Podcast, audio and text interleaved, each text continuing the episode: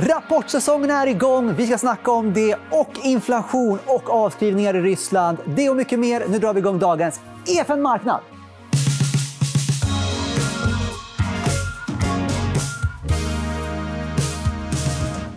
Ja, för att snacka om rapportsäsongen och mycket annat. Peter Lagerlöf, varmt välkommen. Tack så mycket.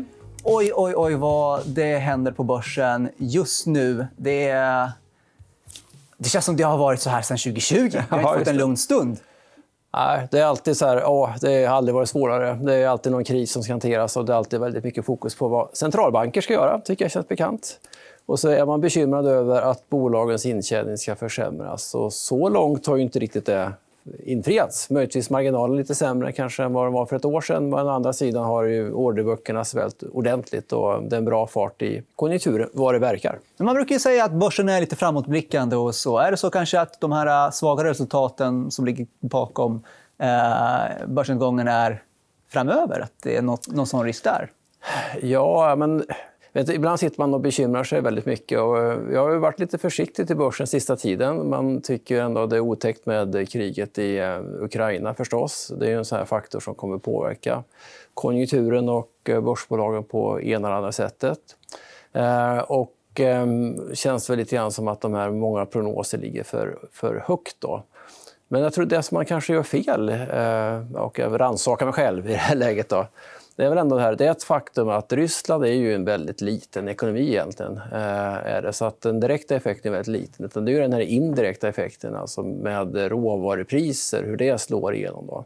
Och, så lång, och det är kanske lite för tidigt att dra några säkra slutsatser för det. För Tittar man i de här Q1-rapporterna som kommit, då är det bara en månad förstås med eh, den typen av eskalerande så här prisstegringar som är med där. Utan de problemen kanske kommer lite längre fram. Här. Så att, ja, vi får se. Jag tror att marginalerna kan vara kanske ett bekymmer här eh, under resten av det här året. Men brukar, eftersom ja, Q1-rapporten kommer ju inte dagen första kvartalet slutar, utan borde man inte hojta till om marginalerna börjar krympa jo, ja, men absolut. Men jag tror att man tittar på um, Sandviks rapport igår exempelvis där, och läser vd-förordet där så det finns ju en, en tycker jag, väldigt hovsam och väldigt väl, eh, alltså, på goda grunder en försiktighet. Man, så här, vad kommer hända härnäst? Liksom, så här. Och det är klart att Eh, Eh, spå i framtiden är alltid svårt, det är det ju. Men just nu när vi vet vad som försiggår då eh, öster om oss så, så känns det väl ännu mer påkallat. Så att, eh, jag tror inte något bolag kommer sen väldigt framåtlutat guida väldigt tydligt vad som kommer hända. Och gör de det så känns det bara dumdristigt om man ska vara helt ärlig.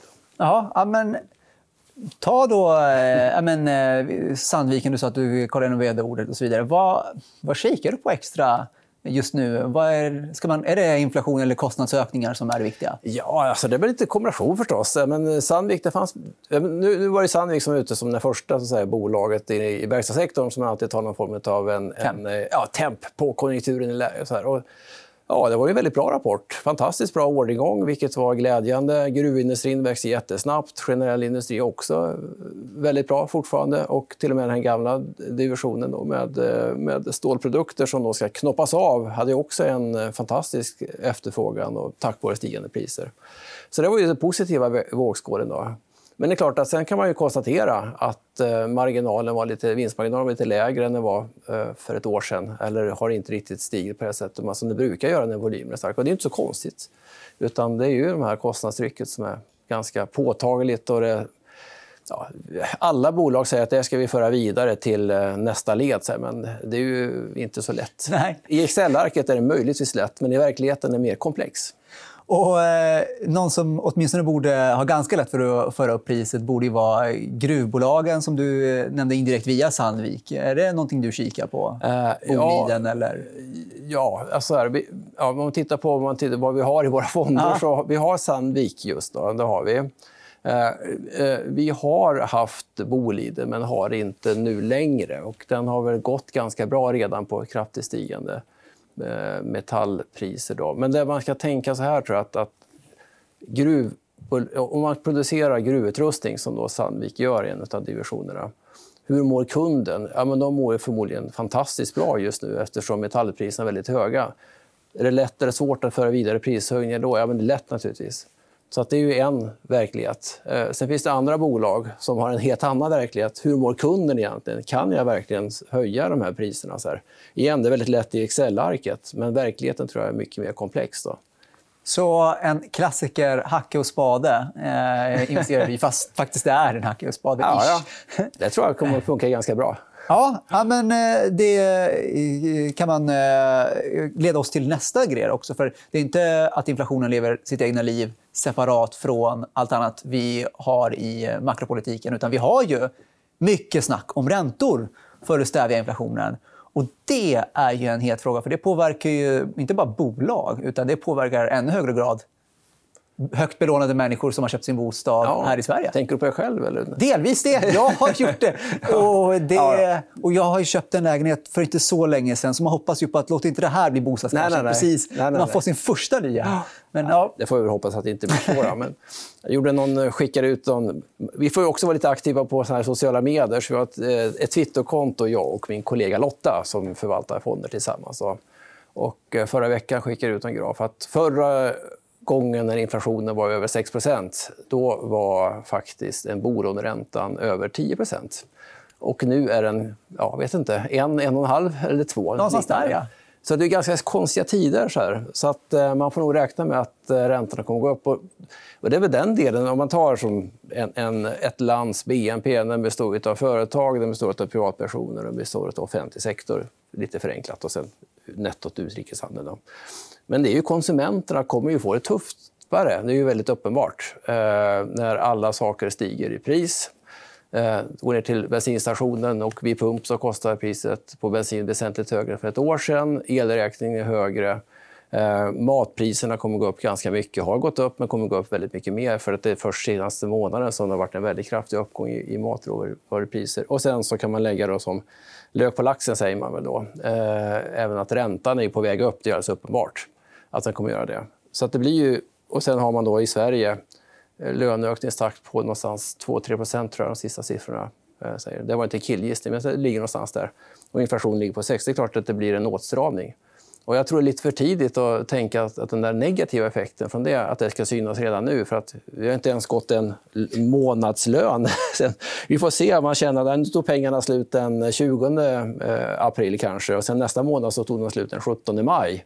Och sånt där. Så att jag tror att det är en gradvis process. Så det där tycker jag är väl den osäkerheten. Då. Att, att man kommer investera mycket i gruvor och annat sånt, det tror jag känns rätt uppenbart. Då. Men men just det här, hur mycket orkar konsumenten eh, i den här miljön? Det, det känns som en ganska stor osäker faktor, tycker jag. Du investerar ju via fonderna i mycket Norden. Mm, och det är ju vi som är de här konsumenterna som du ja.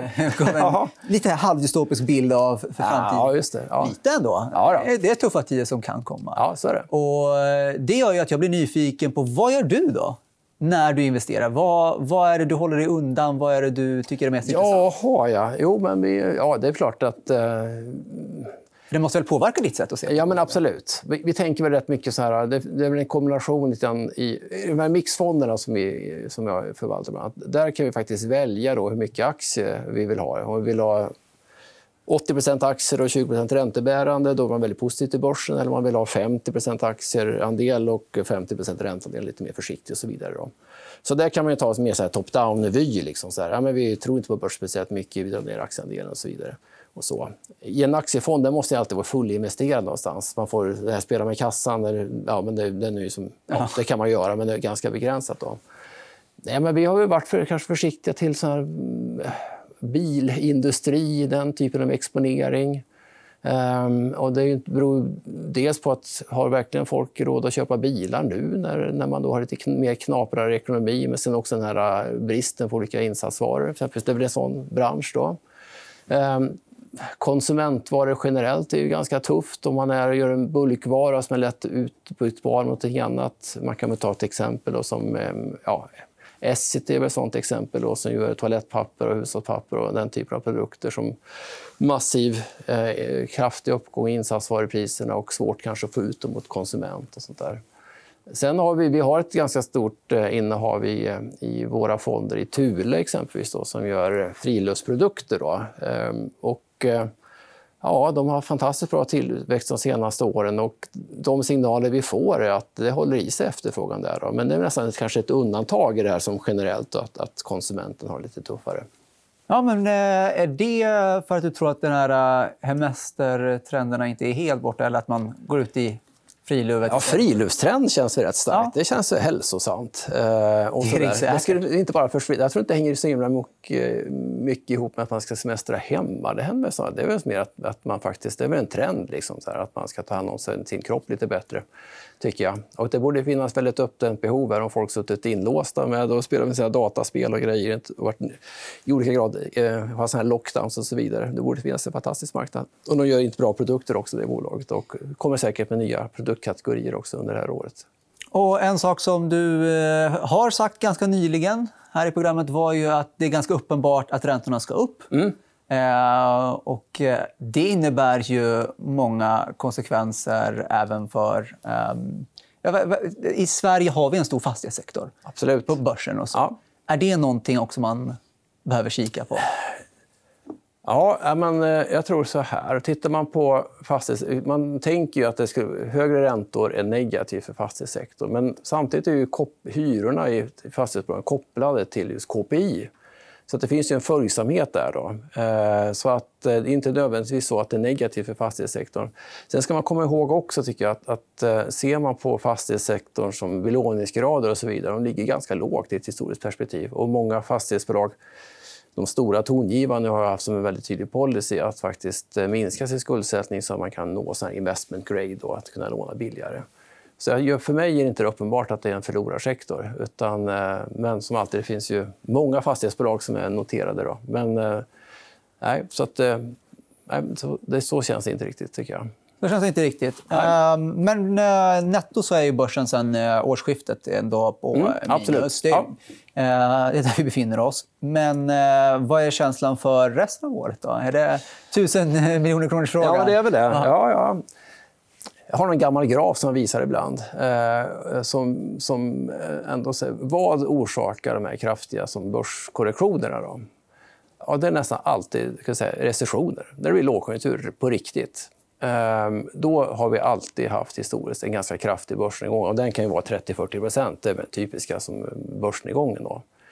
Och vi hade faktiskt en sån under pandemin också, men det är ju världens kortaste recession. Den var en månad enligt den officiella statistiken i USA. Då. I mars månad då, 2020 där var recessionen, sen var det över. Så.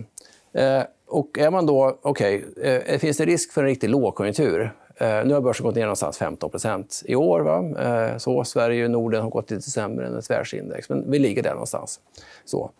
Alltså, tror man inte på att det ska bli en riktig lågkonjunktur, eh, men då tror jag att börsen kommer att stå högre än vad den gör i dagsläget vid årsskiftet. Däremot om, de här neg- om det här kriget eskalerar på något sätt som varken du eller jag kan förutse just nu eller om det är något oväntat och att det faktiskt blir någon form av djup lågkonjunktur, ja, men då finns det en nedsida. Men det, ju, det känns inte som ett huvudscenario. Utan, utan eh, de signaler man får från bolagen nu, där man ser, ser de här konjunktursignalerna just nu och vad andra, man kan ta såna här tongivande prognosmakare som Internationella valutafonden och man kan lita på dem, ekonomerna där. De gjorde en, kom med en prognos häromdagen som visar på en ganska god fart i världsekonomin, trots allt. Då. Så att, eh, Hur mycket kan man lita på dem? Eh, jag brukar säga att man inte kan göra det. också. Nej. Nej, vet du, de, de brukar vara så här. Det, det är någon form av konsensusuppfattning. Jag tror att om man ska göra om man är ett litet ekonomiskt sekretariat på exempelvis Handelsbanken eller på någon annan eh, affärsbank eller på Konjunkturinstitut och så vidare ska ha en uppfattning om världsekonomin, ja, men då tror man utgår ganska mycket från vad IMF tror. Och sen så ja, lägger man till eller drar ifrån lite grann. Eller, ja, nu ska inte jag förklena insatserna som görs här, men, men ungefär så. Jag tror att det är referensmaterial och man utgår från det. Och de är väl lite sena, kan jag säga. Det är ju sällan, en, en, eller aldrig, som en en, den typen av prognosmakare för, prickar en lågkonjunktur. Eh, och i, på tal om eh, lågkonjunktur, och så när vi hade pandemin så eh, var en del att vi tog oss ur det ganska snabbt. Och att vi stimulerade ekonomin utan dess like. Mm. Och eh, stimulanser har ju skett ganska mm. länge nu. Är det lite av baksmällan vi ser nu när det har varit så länge av stimulanser att Ja, det är det? Vi har väl konsumerat lite för mycket. Tittar man ja. på de här uh, trenderna, andra gamla grafer, grafer på allt, jag har jobbat för länge. Nej, men tittar man på som detaljhandel, total konsumtion och lägger någon, här, någon, någon trendlinje. Man kan göra det i USA, man kan göra det i Sverige. Så ser man att vi ligger långt över trendlinjen för att det har varit för mycket stimulanser de senaste åren. All den här äh, stimulansen som man gjorde i USA det var ju för mycket exempelvis. Då. Och även i Europa också, i Sverige. Så att om, om man tror att trendlinjen inte förändras på något sätt, ja, men då kommer det bli en period med lite baksmälla. Ja. Från det, det känns ju väldigt logiskt tycker jag. Och ingenting som skrämmer? Liksom. Nej, och sen kan man tänka sig att det blir lite annorlunda. Det är klart att nu kanske man prioriterar att gå på teater eller bio, ja, restaurang kanske. Sen saker man kanske inte... Upplevelser, kultur, det som man inte gjort under, inte fick göra under pandemin i många länder. Och då är det kanske någon annan del av konsumtionskakan som får stå tillbaka. Och rapportsäsongen är inte snart slut än, utan den har precis börjat. Vad avslutningsvis tycker du, tror du kommer att vara mest spännande som sker det här eh, rapportsäsongen? Ja, det var ju en väldigt intressant fråga. Ja. Är det nåt bolag eller något sånt där? jag tycker generellt att det är alltid mycket... Om man är ja, fondförvaltare i Sverige, då, nu förvaltar vi rätt mycket i Norden, så här, men ehm, då är det väldigt mycket cyklisk industri som är intressanta. För det får man ju någon form av signaler kring eh, som påverkar även andra sektorer. Och nu har vi haft då Eh, Sandvik eh, kom igår, ABB kom idag, kom någon lite mindre bolag. Och de har rätt positiva signaler. Imorgon kommer Volvo exempelvis. Så att jag tror att jag och många andra kommer fortsätta att titta rätt mycket på de här konjunkturkänsliga eh, bolagen. Då. Dels hur efterfrågan sett ut, men kanske framför allt hur de har klarat av att hantera de här prishöjningarna. och så. Sen brukar det i en rapportsäsonger att det viktigaste är det framåtblickande. Vad säger de om framtiden? och så där. Men tyvärr så tror jag att det kommer bli väldigt eh, diffust. Väldigt diffust. Jag tror man kommer vara försiktig. Det finns ingen poäng i att göra som, själv, som tydliga prognoser i det här läget som är per definition extremt oförutsägbart. Då. Så tyvärr, jag tror inte vi kommer få så mycket vägledning. Så att, om jag skulle gissa så tror jag nästan att Q2-rapporterna kommer bli ännu mer intressanta. För då har vi haft den här situationen med den här prisinflationen ytterligare några månader. Och då tror jag man på ett bättre sätt kan känna av hela vidden av det. Det är en intressant sommar då.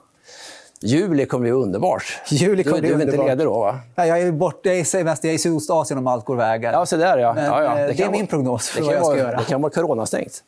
Ja, det kan det också. Det hoppas jag att det inte är. Det var allt vi hann med i FN Marknad. Vi är tillbaka på onsdag. Missa inte att stå på återseende. Tack så mycket, Peter.